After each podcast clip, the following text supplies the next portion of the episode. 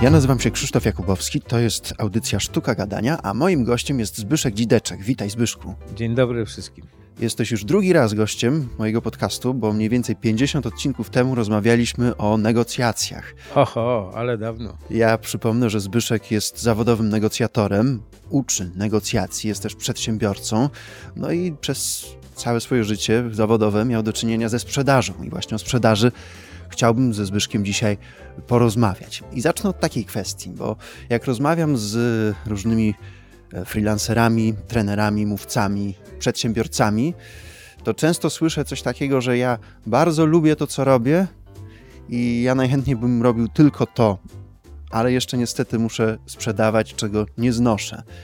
I, moje pytanie jest do ciebie, czy z tą sprzedażą jest jakiś problem? Czy, czy to jest jakaś umiejętność wyjątkowo trudna? Czy to jest umiejętność jak każda inna, którą przedsiębiorca powinien po prostu się nauczyć? No handel chyba istnieje tyle, ile w ogóle ludzkość.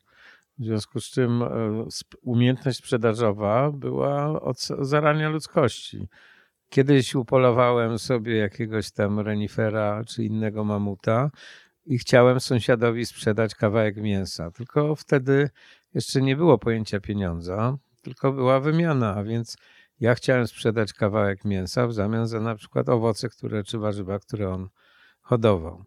A więc proces sprzedażowy jest znany od wielu, wielu lat, jeszcze przed tym, jak Fenicjanie wprowadzili pieniądz.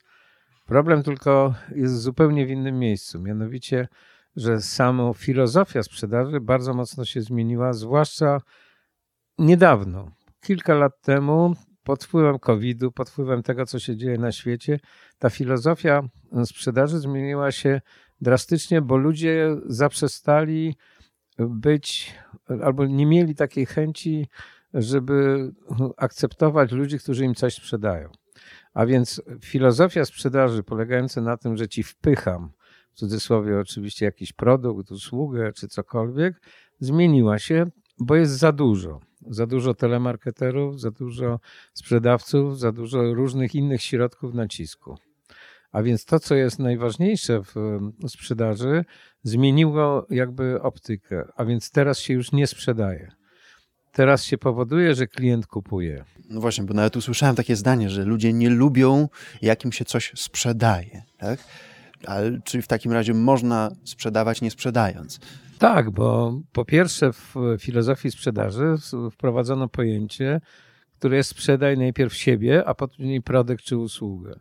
A więc y, w dzisiejszych czasach człowiek kupuje, bo kupuje od ciebie, od ciebie Krzyśku, a nie od Zbyszka. Dlatego, że ty jesteś dla mnie bardziej miły, jesteś bardziej przekonujący, stosujesz metody, które przekonują mnie, że to, co u ciebie kupię, jest wartościowe. Jeszcze raz powtarzam, wartościowe, a nie że zapłacę za to jakąś cenę, bo to znowu są dwie różne rzeczy. No tak, ale tu też widzę dwie różne rzeczy, że coś jest wartościowe i ktoś jest miły. Co, co jest ważniejsze? Czy, czy sprzedawać wartościową rzecz, czy być fajną osobą? No właśnie, najpierw sprzedajesz siebie, a więc swoją osobowość, swoją wiedzę, jak, jak jesteś nastawiony do mnie, a za tym idzie budowanie wartości danego produktu, usługi.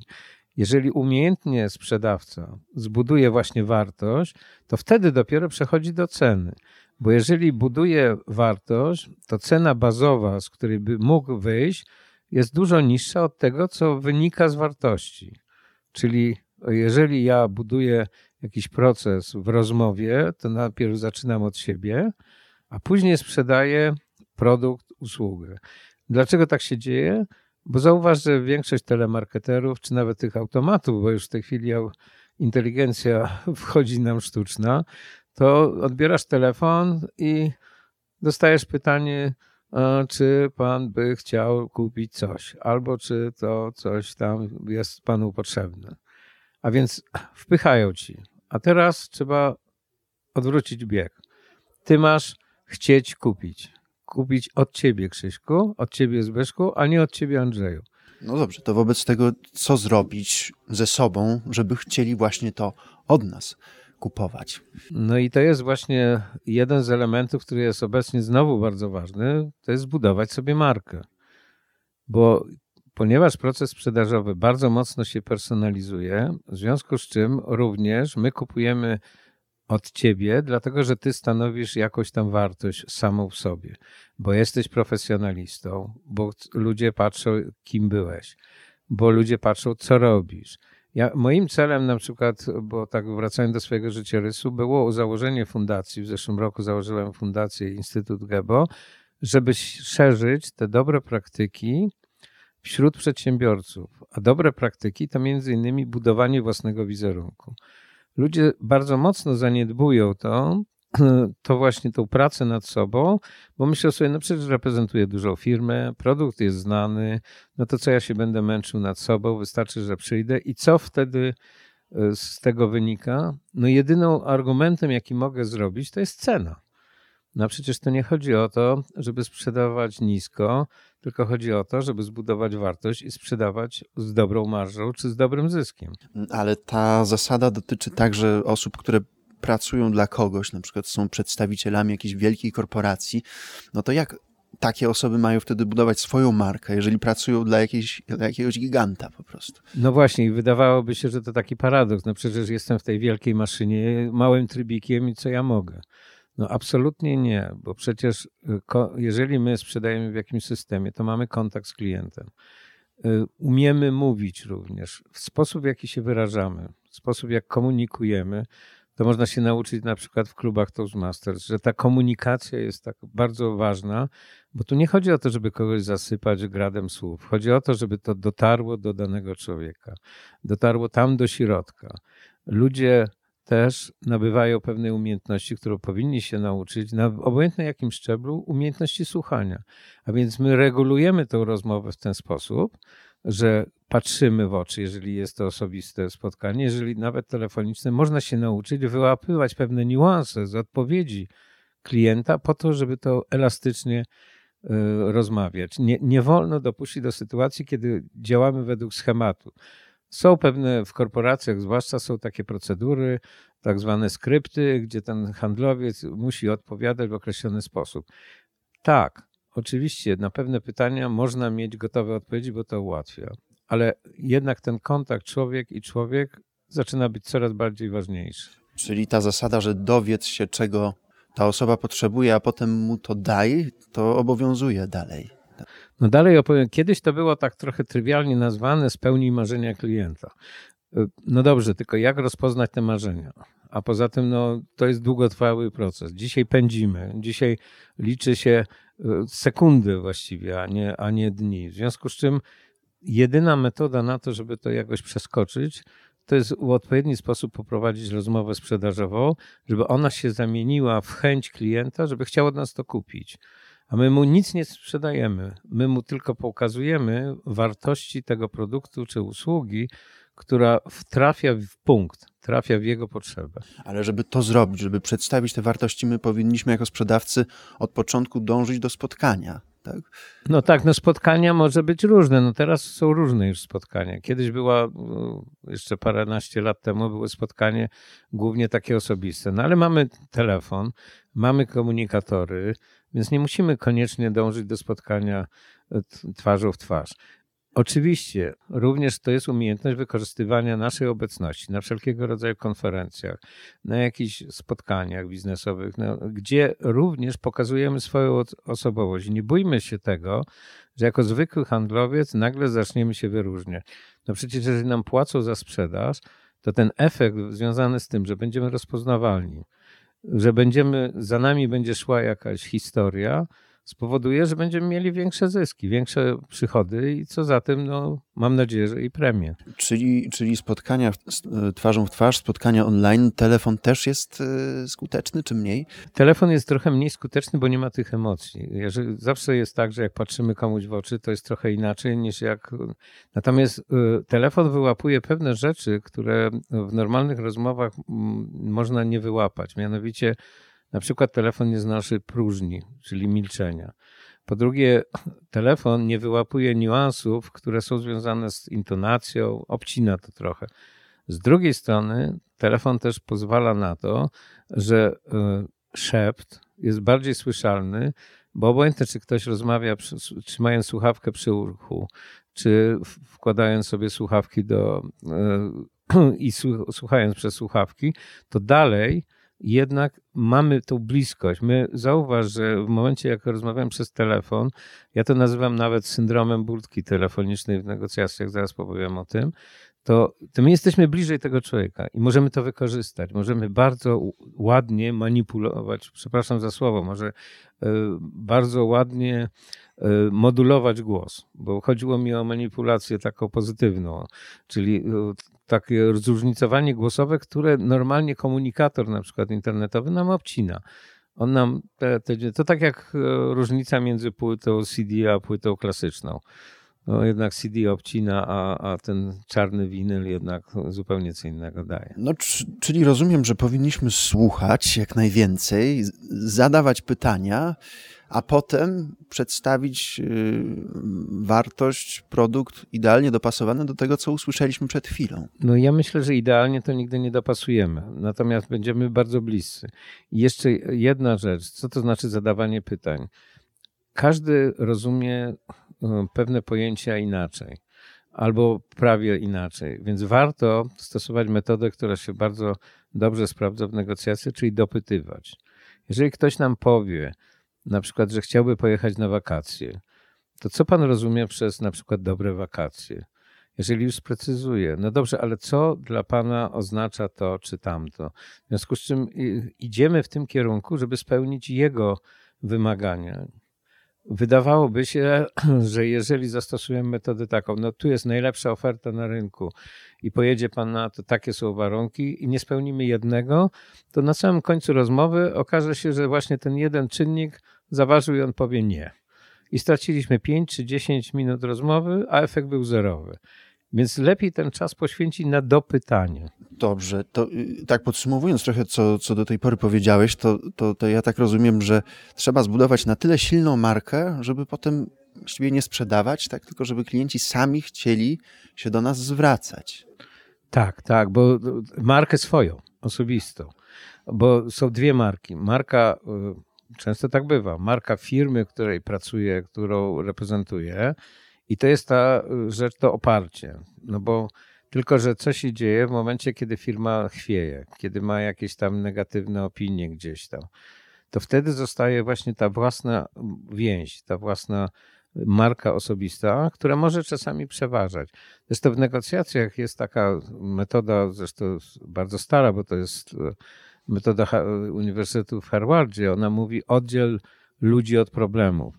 Czyli nawet jeżeli dwie firmy mają spór jakiś, a spotykają się przedstawiciele tych firm i mają do załatwienia jakąś ideę, jakąś część do współpracy, to powinni oddzielić. To, że się kłócą tam prawnicy, niech się kłócą, a my do załatwienia mamy pewną ideę i tutaj się musimy jak, w jakiś sposób e, przybliżyć, a więc ta, złapać tą linię współpracy. A czy mógłbyś się podzielić jakimiś pomysłami, jak tę markę na tyle rozwinąć, żeby nam to pomogło właśnie w sprzedaży?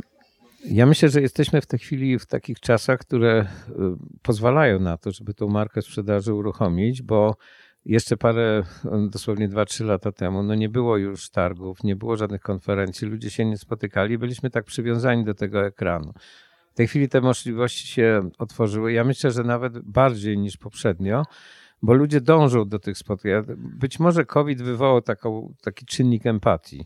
W związku z czym, e, i to jest jedna metoda, czyli uczestniczyć w jak największej liczbie konferencji, jakichś tam imprez, targów i tak dalej. Networking też taki. Networking, tylko jako osobisty, żebyśmy nie zatracali, że my wprawdzie reprezentujemy firmę X, ale ja się nazywam Zbyszek Dzideczek. I obojętnie na jakiej pozycji jestem, nie muszę być dyrektorem, jestem zwykłym handlowcem. Druga rzecz to no przecież tyle jest, ma, jest miejsc, gdzie możemy kształtować markę osobistą i tu nie chodzi o to, żeby na Facebooku zamieszczać kotki, e, kwiateczki i tak dalej. Jest to ładne, nawet dużo klików się dostanie, ale chodzi o to, żeby wyrobić własną markę. A więc pisać o czymś profesjonalnie. Albo znaleźć sobie taką malutką niszę, bo teraz świat jest tak duży, że te nisze są bardzo, bardzo małe, ale zacząć interesować interesująco pisać o czymś. Ja nie mówię, może to być też o kwiatkach, tylko niech to będzie bardzo specjalistyczne i ludzie będą nas kojarzyć. I trzecia rzecz, bardzo ważna w tym procesie, to jest e, tak to wszystko kształtować, żeby ktoś nam w pewnym momencie nalepił na plecach nazwę, z kim się kojarzy. Tak jak mnie ludzie w pewnym momencie na, na, na plecach nalepili napis negocjator. I tak z tym chodzę już. I każdy z nas powinien sobie taką niszę znaleźć, żeby go kojarzono bezpośrednio. Z jedną rzeczą. Tak? Z jedną mhm. rzeczą. Właśnie, żeby nie wychodzić poza, że ja jestem wszechwiedzący, ja wiem wszystko, a to znaczy, że nie wiem o nic. I jeszcze jedna rzecz, to ćwiczymy też w Toastmasters, to stworzyć sobie krótką historię o sobie. Krótką, niedługą. Nie tam pięć minut, tylko w momencie, jak się przedstawiam, albo proszę, żeby mnie przedstawiono, to wtedy tą historię używam. Ja może dam przykład. Jak ja się przedstawiam, to staram się e, za moim przekazem przemycić parę informacji, które można sprawdzić, bo świat jest taki, że można teraz już wszystko sprawdzić. Jeżeli ktoś się zainteresuje, może to dopytać, a z drugiej strony może też poszukać mnie. Natomiast ten przekaz jest bezpośredni. Jak ktoś pyta, no dobrze, ale jakbyś miał powiedzieć coś o sobie, to ja mówię w ten sposób. Kiedyś, jak mnie pytano, co robisz, odpowiadałem, byłem, jestem lekarzem. Tylko nie jestem lekarzem od ludzi, tylko od przedsiębiorstw, ponieważ 20 parę lat realizowałem siebie zawodowo jako człowiek, który prowadzi programy naprawcze. W pewnym momencie zebrałem taką wiedzę, że doszedłem do wniosku, że przekształcę swój zawód lekarza w rolnika. I stałem się rolniką, siew, rolnikiem, siewcą. Ale nie sieje ziarna, tylko sieje pszenicy czy owsa, tylko sieje ziarna wiedzy. I teraz jak posieję te ziarna i gdzieś tam na tym polu ludzkości to, to wzrośnie, to te plony dla mnie są największą nagrodą. A więc moja droga zawodowa jest od lekarza do rolnika. Ile nam to zabrało? Może z 20 sekund? ale uważam, że każdy taki przekaz powinien mieć ze sobą. Jeżeli ją zacznie stosować, powtarzać w spotkaniach, to to się utrwali. I wtedy ludzie będą widzieć tą, tą ścieżkę, kim ty jesteś. Tak, bo często pada to pytanie, czym się zajmujesz, nie? I tam ludzie często nie potrafią odpowiedzieć właściwie, co robią. No ja ci, ja powiem taką zabawną historię, jaką miałem. Mianowicie kiedyś byłem na jakiejś konferencji, podszedł do mnie człowiek i mówi, e, no cześć, a co robisz? Ani się nie przedstawił. To była dość poważna konferencja, e, więc ja tak popatrzyłem i powiedziałem, zabijam ludzi odszedł, ale widzę, że patrzy na mnie spod kieliszka wina i, i, i wróci. Mówi, no ale czy to prawda? Ja mówię, tak, tak, ale ja mogę zawsze sprawdzić, czy pan nie jest na mojej liście. Znowu odszedł, zorientował się chyba o co chodzi, wrócił, przed, powiedział, bardzo przepraszam, to jest moja wizytówka, zachowałem się niegrzecznie, nazywam się tak i tak i chciałem po prostu do pana, pana poznać. Dobrze, to wrócę znowu do tego, co mówiłeś wcześniej. Wiem, że może to teraz trochę chaotycznie jest, ale ym, chcę zapytać jeszcze o to słuchanie. Czy ty masz jakieś sposoby na to, żeby rozwijać tę umiejętność? Bo o tym się mówi bardzo dużo. Właściwie w każdej dziedzinie mówi się, że słuchaj ludzi. Ja też jako podcaster mówię, że w tworzeniu podcastów najważniejszą umiejętnością jest słuchanie. No ale żeby to nie, nie stało się takim no już rozmytym stwierdzeniem, no to co konkretnie możemy zrobić, żeby to rzeczywiście rozwijać? No ze słuchaniem jest bardzo ściśle związana taka druga cecha, czyli uważność. Czyli jeżeli słuchamy, to słuchamy uważnie. Nie, wychodzimy też ze tej strefy wielepiejów, bo to jest taki też e, obszar. My nie wiemy lepiej. My staramy się wysłuchać tego człowieka, który do nas mówi, ale słuchamy też bardzo uważnie od strony słów, jakie wypowiada. Tak jak przed chwilą powiedziałeś, że ta nasza rozmowa jest chaotyczna, i to już wywołało u mnie pewną informację, czyli ja muszę coś w tym zmienić, bo jeżeli wyraża, używasz takiego słowa, to znaczy, że rzeczywiście coś tam jest. I to jest właśnie ta uważność. Uważność na słowa. Ludzie, przepraszam za wyrażenie, plotą, gadają. Zauważ, że większość ludzi, zresztą mistrzem w tym był prezydent Trump, to jest zwięzłość. Ludzie, którzy są poważni albo chcą być uważani za ludzi na jakimś wyższym stopniu rozwoju, mówią krótkimi zdaniami. stosują przerywniki. Ja nie mówię y, e i tak dalej, tylko robią pauzy. No i co jest najważniejsze, to jest każde słowo jest ważne. Dlaczego ja tu przywołałem przykład prezydenta Trumpa? Ponieważ on był pierwszy, który zaczął się komunikować na takim komunikatorze, który wymaga tylko kilku słów. Druga sprawa, zauważ, że wszystkie przekazy, jakie on stosował, były niezwykle zwarte. Tam nie było gadulstwa, tam nie było rozmowy o niczym. A więc słuchanie to jest przetwarzanie informacji, jakie dostaje w sposób rozważny. Po to, żeby nie krytykować, nie wyrażać nawet swoich opinii, tylko to przetworzyć i dopiero dać odpowiedź. Dać wartość jako sprzedawca. Tak, tu użyłeś bardzo dobry. Właśnie my ciągle obracamy się wokół wartości. I to jest e, przepiękne w tym, co w tej chwili rozmawiamy, bo właśnie ludzie zaczynają kupować wartości, a nie produkt X czy Y. Króciutka przerwa, ponieważ chcę zaprosić Cię na indywidualne konsultacje, dzięki którym będziesz lepiej mówić, ładniej, wyraźniej podczas swoich wystąpień publicznych, przed mikrofonem i w codziennej komunikacji. Wystarczy, że wejdziesz na stronę sztukagadania.pl, wypełnisz formularz, a ja zajmę się całą resztą. sztukagadania.pl, a teraz zapraszam Cię na dalszy ciąg rozmowy. Teraz mam takie pytanie. Załóżmy, że ktoś ma jakiś produkt, stara się z nim wychodzić do, do ludzi, stara się tworzyć swoją markę, no ale nie sprzedaje. To nie działa, nie ma klientów. To co, co Twoim zdaniem jest najczęstszym takim, co może być tego przyczyną? No właśnie, można powiedzieć, że są dwie przyczyny. Jedno, przyczyna jest w Tobie. Po prostu jesteś może zbyt zadufany, może myślisz, że jesteś niesamowitym sprzedawcą, a nie jesteś nie umiesz stosować nowoczesnych metod, właśnie takich, które wiążą produkt z tobą, wpychasz ludziom, ludzie cię odrzucają, nie chcą. Jesteś takim komiwojażerem, który od, od, od drzwi do drzwi, takim amerykańskim typowym z filmów i ludzie jak widzą takiego człowieka, psy na niego szczekają i, i oni otwierają drzwi. Może błąd jest w produkcie.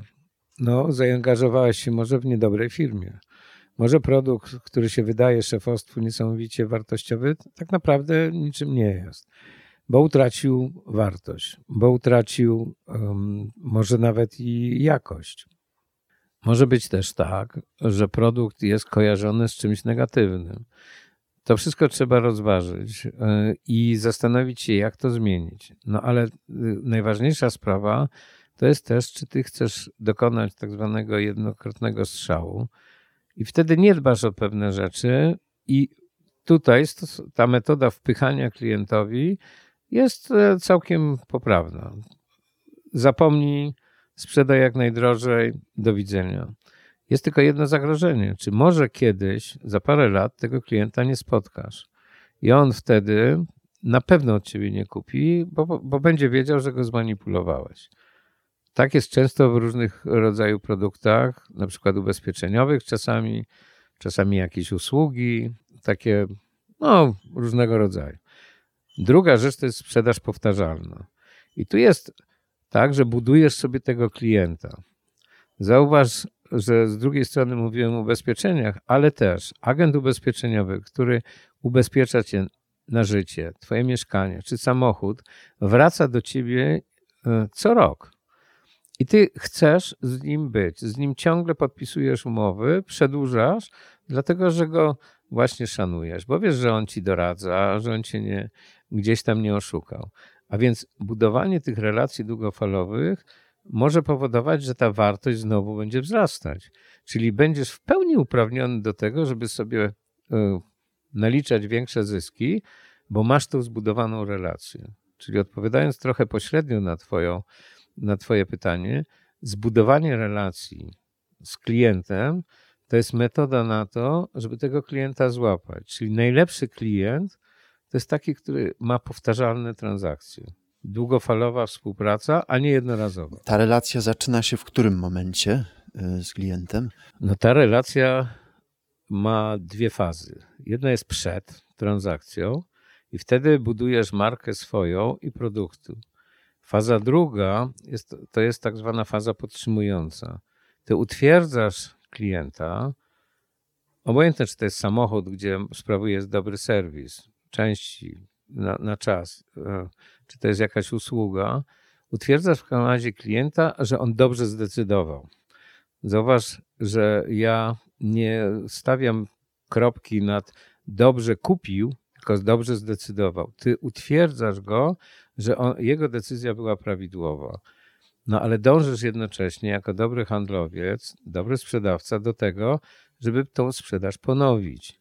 A więc e, tak jak kiedyś było, że kupowałeś pralkę, może nie za twoich czasów, ale ona ci służyła przez 30 lat, to teraz produkty, nawet telefony komórkowe, ich żywotność jest 3-4 lata. I to nie chodzi tylko o to, żeby dać ludziom gdzieś w Chinach zajęcie, ale również o to, że wychodzą coraz nowe modele, coraz bardziej sprawne. A więc ty w momencie, kiedy sprzedajesz, już myślisz o następnej transakcji. Robisz to taki moment, w momencie, jak już sprzedałeś dany produkt czy usługę, to już myślisz, co zrobić, żeby ta transakcja była powtarzalna za jakiś okres czasu. Mhm. A wróćmy na chwilę do tej pierwszej fazy, czyli przed transakcją. Czy dobrze rozumiem, że e, budujemy relację nawet z osobą, której nie, nie znamy, nie mieliśmy z nią kontaktu, tylko po prostu wysyłamy coś w świat, dzielimy się na przykład wiedzą i już budujemy te relacje, mimo że mm, no, klient wie o nas, ale my o nim jeszcze nie, tak? Dokładnie tak, w punkt, dlatego że my tak na dobrą sprawę nie znamy naszych klientów potencjalnych. Mamy tylko pewną bazę, ale to y, ta informacja jest jakaś limitowana. No i druga najważniejsza rzecz, my nie znamy, jak przebiega proces decyzyjny u konkretnej osoby. W związku z czym czasami to jest odruch. Czasami ktoś otworzył gdzieś tam książkę czy jakieś czasopismo i wpadło mu w oko jakieś stwierdzenie, które wcale nie było związane z tym, co tam było napisane, tylko właśnie z tobą. Dlatego ważne jest takie mocne wykreowanie siebie, bo kiedyś to zadziała, zupełnie w niesamowitym momencie i w niespodziewanym czasie. Tak, ale to powiedziałeś taką rzecz, która mnie zaskoczyła, że my nie znamy naszych klientów, a no z tego, co tam kiedyś na studiach mnie uczono, że, że, że, że powinniśmy sobie jakąś tam stworzyć yy, wymarzonego klienta i wiedzieć do kogo, do jakiej grupy, do jakiego wieku kierujemy naszą ofertę. Znaczy, to jest prawda, bo tworzymy sobie takiego modelowego klienta. No ale z drugiej strony świat w stosunku na. Ja dużo wcześniej studiowałem niż ty, ale już od, nawet od Twoich studiów czas się mocno zmienił. Jest tak olbrzymi dostęp do informacji. Tak jesteśmy zalewani różnego rodzaju informacjami, że my dążymy do tego, żeby trafić na eksperta. W cudzysłowie. I ty masz być tym moim ekspertem. Nawet w najdrobniejszej dziedzinie ale ja do ciebie się zwrócę, bo ja jestem w tym chaosie, może nie chaosie informacyjnym, tylko zalewie informacji. Ja muszę popatrzeć z tego miliona czy biliona pikseli, ty będziesz tym jaśniejszym, który, do którego ja przyjdę. Dlaczego ja mówię, że nie znam? Dlaczego ja nie znam y, klientów? Bo wydaje mi się, że marzeniem klientów, y, sprzedawców powinna być taka dewiza, Moim celem jest cały świat, z czego znam 1%. 1% zapewni mi dostatnie życie. Ale dlaczego mam nie zrobić więcej? Więc nie stawiajmy sobie progów 10 tysięcy klientów. No dobrze, czy to wystarczy? No dlaczego nie mieć tendencji 50 tysięcy, milion? Jeżeli robimy to bez barier, to automatycznie nasz umysł się otwiera i możemy sprzedawać więcej. Czyli sprzedawca powinien być e, ambitny. Tak, tak. I jednocześnie bardzo szeroko myśleć. Czyli e, e, jednocześnie takie może trochę nietypowe słowo elastyczny. Czyli w momencie, kiedy rozmawia z klientem, powinien wyłapywać to, co dla klienta jest ważne, a co mniej ważne dla ponieważ my jesteśmy różni. Może to zaskoczenie, na, ale po, na te 8 miliardów ludzi ty jesteś inny i ja jestem inny. Każdy jest indywidualnością. A w związku z czym my te, w razie rozmowy, a zwłaszcza tej początkowej, nastawiajmy się na to słuchanie pod kątem, żeby wyłapywać te niuanse. Wydaje mi się to bardzo słuszne, to co mówisz, tylko tutaj mi tak przyszło do głowy, że że może to się wydawać ryzykowne, to, że my za darmo się dzielimy wiedzą na przykład w różnych mediach społecznościowych i czekamy na ten telefon od jakiegoś klienta, a on może nie zadzwonić. I czy to nie jest takie, takie bierne czekanie, że my nie mamy trochę na to wpływu, czy on, znaczy w sensie takim, że, że, że my nie, nie robimy czegoś aktywnie, nie pozyskujemy go, nie dzwonimy, nie wysyłamy ofert. Znaczy masz absolutną słuszność, jeżeli to jest tylko jedyna rzecz, którą robimy. To ma być wszystko spójne. Dzielenie się wiedzą to również e, jest limitowane. E, użyłeś słowa za darmo. Ja walczę na przykład na swoich e, treningach ze słowem za darmo, bo nic w życiu nie jest za darmo. Jeżeli potraktujemy to, to dzielenie się wiedzą jako inwestycję, to inwestycja ma to do siebie, że ma zwrot kapitału. A więc potraktujmy to, to nasze budowanie naszej marki jako pewnego rodzaju inwestycję w przyszłą sprzedaż. Dlatego ona powinna być ukierunkowana. No jeżeli wypowiadamy się na temat pomidorów, a jesteśmy na rynku elektroniki, to nikt nas nie skojarzy, bo ten rynek jest różny. A więc idźmy kierunkowo. Jeżeli pracujemy nad sobą i poświęcamy czas, a to jest jedyna rzecz, którą nie możemy kupić, to robimy to efektywnie. Sporządźmy sobie plan, który nam da efekt. Efekt sprzedażowy. On będzie na końcu. Ta nagroda niestety będzie na końcu, ale na nią się trzeba napracować. Jeżeli myślimy, że przyjdziemy z ulicy i od razu sprzedamy coś, to zazwyczaj polegniemy, albo nawet jak sprzedaży, to wtedy, nawet jak sprzedamy, to nawet wtedy będziemy musieli bardzo mocno zejść z ceną. Wracam do tego kluczowego pytania, które ci zadałem i jeszcze, jeszcze wracam do niego, czyli no co zrobić, żeby być skuteczniejszym sprzedawcą? Tak, no to jest fundamentalne właściwie pytanie, bo ono się wiąże z moim zyskiem jako handlowca, wiąże się też z zyskiem firmy, którą na przykład reprezentuję. Wiąże się to również z, nie ukrywajmy, z pieniędzmi, które wpływają do mnie. Tą skuteczność musimy zbudować na dwóch platformach, w dwóch warstwach. Jedno to jest nauczyć się właściwej komunikacji. Traktować naszego klienta, jakby był indywidualny, czyli bardzo mocno spersonifikować naszą rozmowę. Nie używać słów, które nic nie znaczą, typu chyba, może. Budować e, cenę, która jest wynikiem wartości, w ten sposób, że ona jest przemyślana. Jednym z takich podstawowych błędów jest rzucanie na przykład ceny około 2000 czy tam około 200. To wywołuje określoną reakcję u klienta. Inaczej brzmi nawet 200, a inaczej brzmi 201,35. Co to znaczy, jaki jest odbiór? Że ta cena została przemyślona, że ona została skalkulowana. Oczywiście supermarkety stosują taką metodę tam 29,99, ale to jest po to, żeby trójka nie była z przodu. To jest zwykła manipulacja. Ja mówię o rzeczywiście wypracowaniu ceny. Tylko to od nas wymaga jednej podstawowej rzeczy przygotowania. Jeżeli my włożymy wysiłek w przygotowanie do rozmowy z klientem, jeżeli się przygotujemy, nawet powtarzalnie, do rozmów telefonicznych, to wtedy ten, będziemy wiarygodni, bo to, co się dzisiaj kupuje, to się kupuje człowieka z powrotem, ale też jego wiarygodność i bądźmy uważni, ćwiczmy uważność. Możemy to zrobić w domu, wszędzie. Takim jednym z bardzo istotnych elementów ćwiczenia jest na przykład rozmowa z dziećmi. Obojętnie swoimi, czy naszych bliskich, czy, bo dzieci mają pewien styl rozmawiania, czy wypowiadania się, który wymaga uważności. Bardzo dużo rodziców lekceważy sobie to, ale dzieci wymagają uważności. Posiedźmy z dziećmi sąsiadów czy innych i zobaczmy, jak oni reagują na pewne nasze twierdzenia, bo o, dzieci e, wbrew pozorom nie manipulują, one są proste.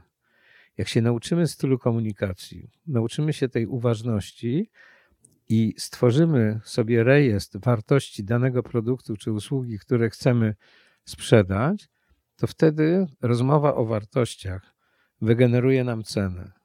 I być może, że tą samą, ten sam produkt sprzedajemy, sprzedamy dwa razy drożej niż, niż e, to, co mamy w cenniku. To jeszcze a propos tej uważności, bo tak sobie myślę, że, że ta uważność się sprawdza też do tego, żebyśmy mm, tę ofertę zmieniali, rozbudowywali albo zupełnie zmieniali nasz pro, produkt, bo y, my coś sobie możemy na początku założyć, że to będzie atrakcyjne, a potem pod wpływem różnych rozmów i takiej uważności na to, co ludzie mówią, możemy zupełnie zmienić ten produkt, prawda? Tak, albo go dostosować. E, niekoniecznie olbrzymim kosztem. Ja dam taki może przykład, ponieważ jestem mentorem również mikroprzedsiębiorców, to czasami robimy takie ćwiczenie, które polega na tym, jak ty byś sprzedał swoją usługę, stosując pewne słowa klucze. I na przykład wypisujemy sobie pewną listę, no niech to będzie różne pojęcia, na przykład jakość. No dobrze, ale jak to ktoś ci zada pytanie, co ty rozumiesz przez jakość mojego produktu? To powinieneś odpowiedzieć przynajmniej dwiema, trzema pozycjami, co ty rozumiesz przez jakość. No dobrze, ale jak ci będzie dalej drążył, no to znowu rozwiń to i masz gotowca. Nie jesteś zaskoczony. To jest ten element, o którym mówiłem, przygotowania. Jeżeli wytaczasz pewne argumenty, to spodziewaj się tego, że ktoś ci może powiedzieć: No dobrze, to ja to wszystko rozumiem, ale e, dalej mnie intryguje, dlaczego pan używa słowa jakość. Co, co pan przez to rozumie? I nie jesteś zaskoczony. A druga rzecz, znajdź sobie jedną rzecz, która cię w jakiś sposób wyróżnia w stosunku do innych. Obojętnie, czy to jest kolor, czy to jest wygląd. Ja ostatnio oglądałem film o jak powstawały klocki Lego. Klocki Lego powstały na samym początku bez tych takiego możliwości zaczepiania. I się rozsypywały. Dzieci chciały kupować, ale jak zbudowały domek, to im się to rozsypywało. I grupa inżynierów skonstruowała tak te klocki, że one się tak wciskają, bo są minimalnie mniejsze otwory niż, niż te wypustki. Jak również plastik, który. I, I dlatego Lego jest tak sprzedawane. Jest dużo podróbek, jest dużo innych, ale Lego ma sobie unikalną jakość. A jeszcze mam takie pytanie. Co, co jeśli no, przeprowadziliśmy tę rozmowę, słuchaliśmy, pokazaliśmy wartość, ale klient na końcu mówi: No to ja jeszcze muszę się zastanowić. Czy to oznacza, że my jakiś błąd popełniliśmy, że on musi się jeszcze zastanowić, czy to jest naturalne? Mhm. Znaczy, jest to normalne, bo zależy też o kwotach.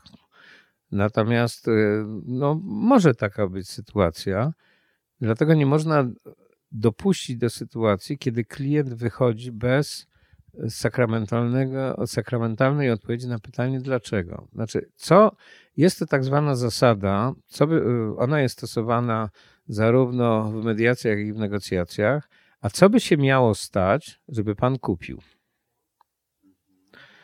Bo być może, że on ma pewną informację albo ideę, którą sobie tam, przepraszam za wyrażenie, ubzdurał, y, czyli w naszym języku takim według nas, no bo już wszystko powiedziałem, już wszystko, te, a facet jeszcze nie chce, tak? No więc zadajmy mu to pytanie. Co by się miało stać z tym produktem, usługą, żeby pan zdecydował na przykład teraz? Czyli zapytajmy, bo być może, że chodzi o drobną rzecz, bo myśmy powiedzieli i nie pamiętamy już tego, że termin dostawy jest 7 dni, a on by chciał mieć 5 dni. I to wystarczyło to nie jest takie nagabywanie trochę? Bo. Ale to jest dopytywanie. Nie, bo, nie bądźmy, y, czy my działamy wbrew klientowi. No nie, my, my, my mu nic nie wpychamy. My ciągle jesteśmy w fazie spełnienia jego marzeń, jego, jego y, zaspokojenia jego wymagań. Pytanie, a co by się miało stać, że pan jednak zdecydował na kupno teraz, to wywołał u niego reakcję odpowiedzi. A przyznam, o to chodzi. A my często zostawiamy to z milczącą akceptacją. No trudno. Jemu będzie bardziej czy trudniej podjąć decyzję jutro niż teraz. Bo teraz już wszystko usłyszał, już jest gotowy, już jest podgrzany. A może brakuje tylko drobnego elementu do podjęcia decyzji. Jeżeli tego nie sprawdzimy, to może stracimy tego klienta. No dobrze, bo, bo tak sobie wyobrażam, jak, jak ty byś mi zadał takie pytanie, no to ja powiedziałbym, że nie wiem, po prostu muszę sobie to jakoś tam ułożyć w głowie, przemyśleć, nie? Jasne. no to nie dociskajmy. Chodzi o to, znaczy moją dewizą, jeżeli chodzi o sprzedaż, jest wykorzystać wszystkie szanse. Jeżeli wypełniłem procedurę swoją sprzedażową, w tym również dopytałem i ktoś mi uciekł tak jak ty, to mi zostaje tylko jedna rzecz, czyli potrzeba, chcesz jutro, to w takim razie czy mogę się skontraktować pojutrze, bo wtedy już pan będzie gotowy z odpowiedzią. Bazując na Twoim doświadczeniu mm, wieloletnim i obserwując klientów, czy zauważyłeś jakieś takie cechy, taką, jakieś rzeczy wspólne, czego ci klienci w ogóle chcą? To jest bardzo dobre i bardzo intrygujące pytanie, ponieważ e, wchodzimy trochę na, na obszar uniwersalizmu, a przecież jesteśmy wszyscy różni. Każdy klient jest inny i jego proces decyzyjny jest inny. Natomiast są pewne rzeczy, które są ważne i wydaje mi się, że my powinniśmy te, te rzeczy wydobyć. No, jedna rzecz jest taka, żeby ten człowiek kupując nasz produkt czy usługę, używał go długo. Nie determinuje okresu czasu, ale każdy człowiek spodziewa się, że będzie używał czy wykorzystywał dany produkt czy usługę w jakimś określonym czasie. Po drugie, powinniśmy bardzo mocno dbać o to, żeby właśnie wydobyć te rzeczy, które dla niego są ważne, a nie dla nas. Czyli nie znowu nie sprzedawać, tylko żeby on chciał kupić, bo on kupuje określone rzeczy. Jeden kupuje nóż dla ozdoby, drugi kupuje, bo to jest znana marka japońska, e, gdzie jest reklamowana gdzieś tam wszędzie, a inny kupuje, bo chce po prostu nóż do cięcia. A więc każdy ma swoją taką indywidualną bardzo potrzebę. I to, to jest jedna z rzeczy, którą powinniśmy tego klienta z tym zostawić, żeby on był przekonany, że kupił to i on zdecydował o tym, co chciał. Czyli to tak jak się mówi teraz często, że produkt szyty na miarę, tak? Że, że, tak, że tak. do niego dopasowany. No to tak jak z garniturem, prawda? No, ja jestem człowiekiem, który ma trochę nietypową budowę. Mówię trochę, bo, bo kupuję jednak garnitury czasami, e, które mają tak zwane standardowe wymiary, ale wiem, że wszyscy mi mówią i mam takie dwa, które są szyte na miarę. Dużo droższe, z innego materiału, ale ja w nich się najlepiej czuję, bo one dokładnie spełniają moje wymogi. No i chyba trzecia rzecz to jest to, co jest w tej chwili bardzo ważne, żeby to oczywiście trudno tworzyć relacje przez sklep internetowy, ale jest coś takiego, co chciałby człowiek wiedzieć indywidualnego e, w sprzedającym. Jeżeli to jest kontakt osobisty, albo gdzieś poznałem kogoś na konferencji, albo gdzieś, e, gdzieś indziej, to jest ważne. Ale czy w sklepie internetowym można zrobić relacje? Ja widziałem już różne rozwiązania. Na przykład człowiek, który podpisuje się w mailu potwierdzającym zamówienie, jest tam jego zdjęcie. Chociażby to. Czyli ta indywidualność, czyli oddarcie tego, tej sztuczności, tej digitalizacji i, i spełnienie przynajmniej jednego warunku, wiem, że na końcu jest człowiek. I to są chyba te uniwersalne zasady, które pozwolą, żeby każda sprzedaż była efektywna, bo w sumie, bo w sumie to o to chodzi, żeby, żeby ta nasza sprzedaż była efektywna, e, a niekoniecznie efektowna. Czyli jednorazowe strzały, ok, ale też, też jednorazowy zysk. A lepiej jest codziennie grosz, niż raz złotówka. No to na koniec jeszcze takie pytanie, e, pytanie, które właściwie nie jest pytaniem, tylko prośbą, żebyś e, coś dodał jeszcze, co mogłoby nam pomóc, nam jako sprzedawcom, przyszłym sprzedawcom, być skuteczniejszymi. Ja może powiem coś, co, co jest e, trochę nietypowe i może niektórzy powiedzą, co ten Zbyszek opowiada. Zawierzmy intuicji. Nie hamujmy tego, co przez wieki mamy w genach i w głowie, jeżeli mamy tak zwany pierwszy odruch, to starajmy się go kontynuować. Jeżeli widzimy e, tak podprogowo nawet, że nasz klient reaguje na coś e, negatywnie na przykład, to nie starajmy się go przekonać na siłę, tylko pójdźmy jego torem. Intuicja to jest jedna z rzeczy, która jest najbardziej wymagana u, u negocjatorów, a przecież negocjacje to również sztuka sprzedaży.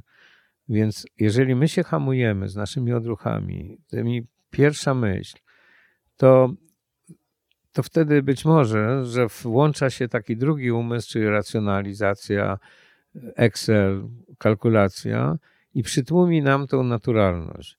A więc czasami, e, ja to mówię z doświadczenia jako długoletni dyrektor handlowy i, i naprawdę z sukcesami, że ja w niektórych przypadkach zaufałem intuicji i dobrze mi to zrobiło. A więc nie hamujmy się, tylko dajmy pole wiedzy, która jest tam wiedzą pokoleń, gdzieś tam z tyłu zaszytą w naszym DNA. Intuicja pozwala nam na to, że unikamy przejechania przez samochód, ale też zobaczycie, że będziecie lepiej sprzedawać. E, ta intuicja, tak sobie myślę, może być hamowana, e, popraw mnie, jeśli się mylę, przez e, nadmiar wiedzy, tak? Może być. Na przykład za dużo książek przeczytaliśmy o sprzedaży i po prostu musimy się wpisać w jakieś teorie. Może być też hamowana przez brak pewności siebie, przez niskie poczucie własnej wartości. Tak, to może być też klątwa wiedzy, o której powiedziałeś, to wynika z tego, że w każdej książce zauważcie, że jest historia, czyli opisanie tego, co było. Więc warto czytać książki, które wam dają coś, co będzie. Czytajmy książki, nie, e, oczywiście biografie, różnego rodzaju poradniki są dobre, jeżeli z tego na samym końcu są wnioski, co zrobić dalej. Jeżeli to jest książka, że przeżyłem życie i tam jest tylko to, co wydarzyło się, a z tego nie ma wniosków, co jak to przekształcić dla mnie osobiście w praktykę, no to ta książka nie jest warta nawet ceny. W związku z czym e, to jest ta intuicja, która e, właśnie z tego wynika to, to poczucie intuicji. Ono się wyrabia.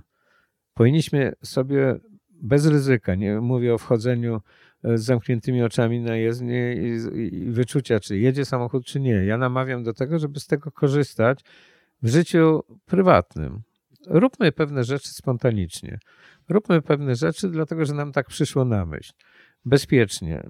Jak wprowadzimy się w taki nawyk myślenia intuicyjnego, to później to wprowadzajmy powoli w proces sprzedażowy.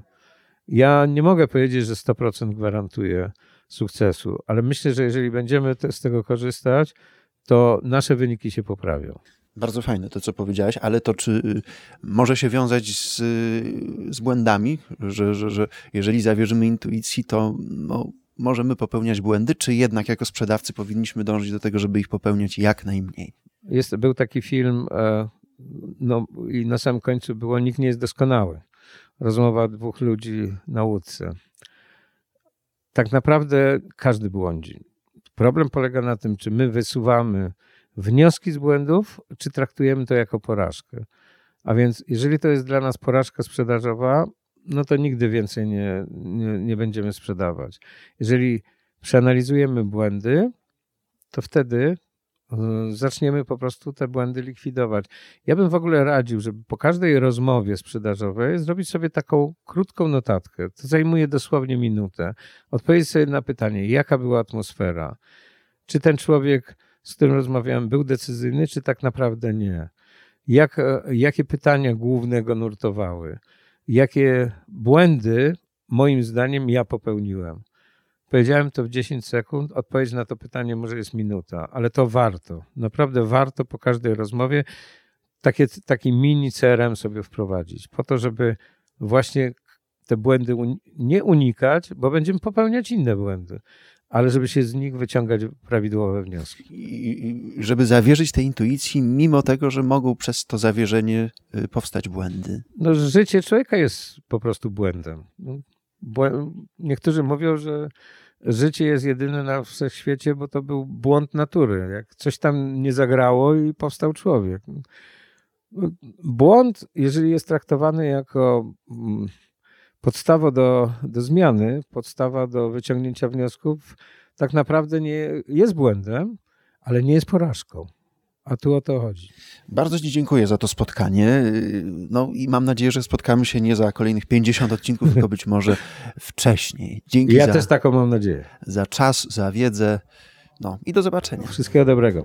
Zapraszam Cię na stronę sztukagadania.pl, ponieważ tam dostaniesz wiele bezpłatnych materiałów, ale też informacji o warsztatach, treningach indywidualnych, które prowadzę. A za ten odcinek, za to spotkanie bardzo Ci dziękuję. Ja nazywam się Krzysztof Jakubowski i pozdrawiam Cię serdecznie. Do usłyszenia.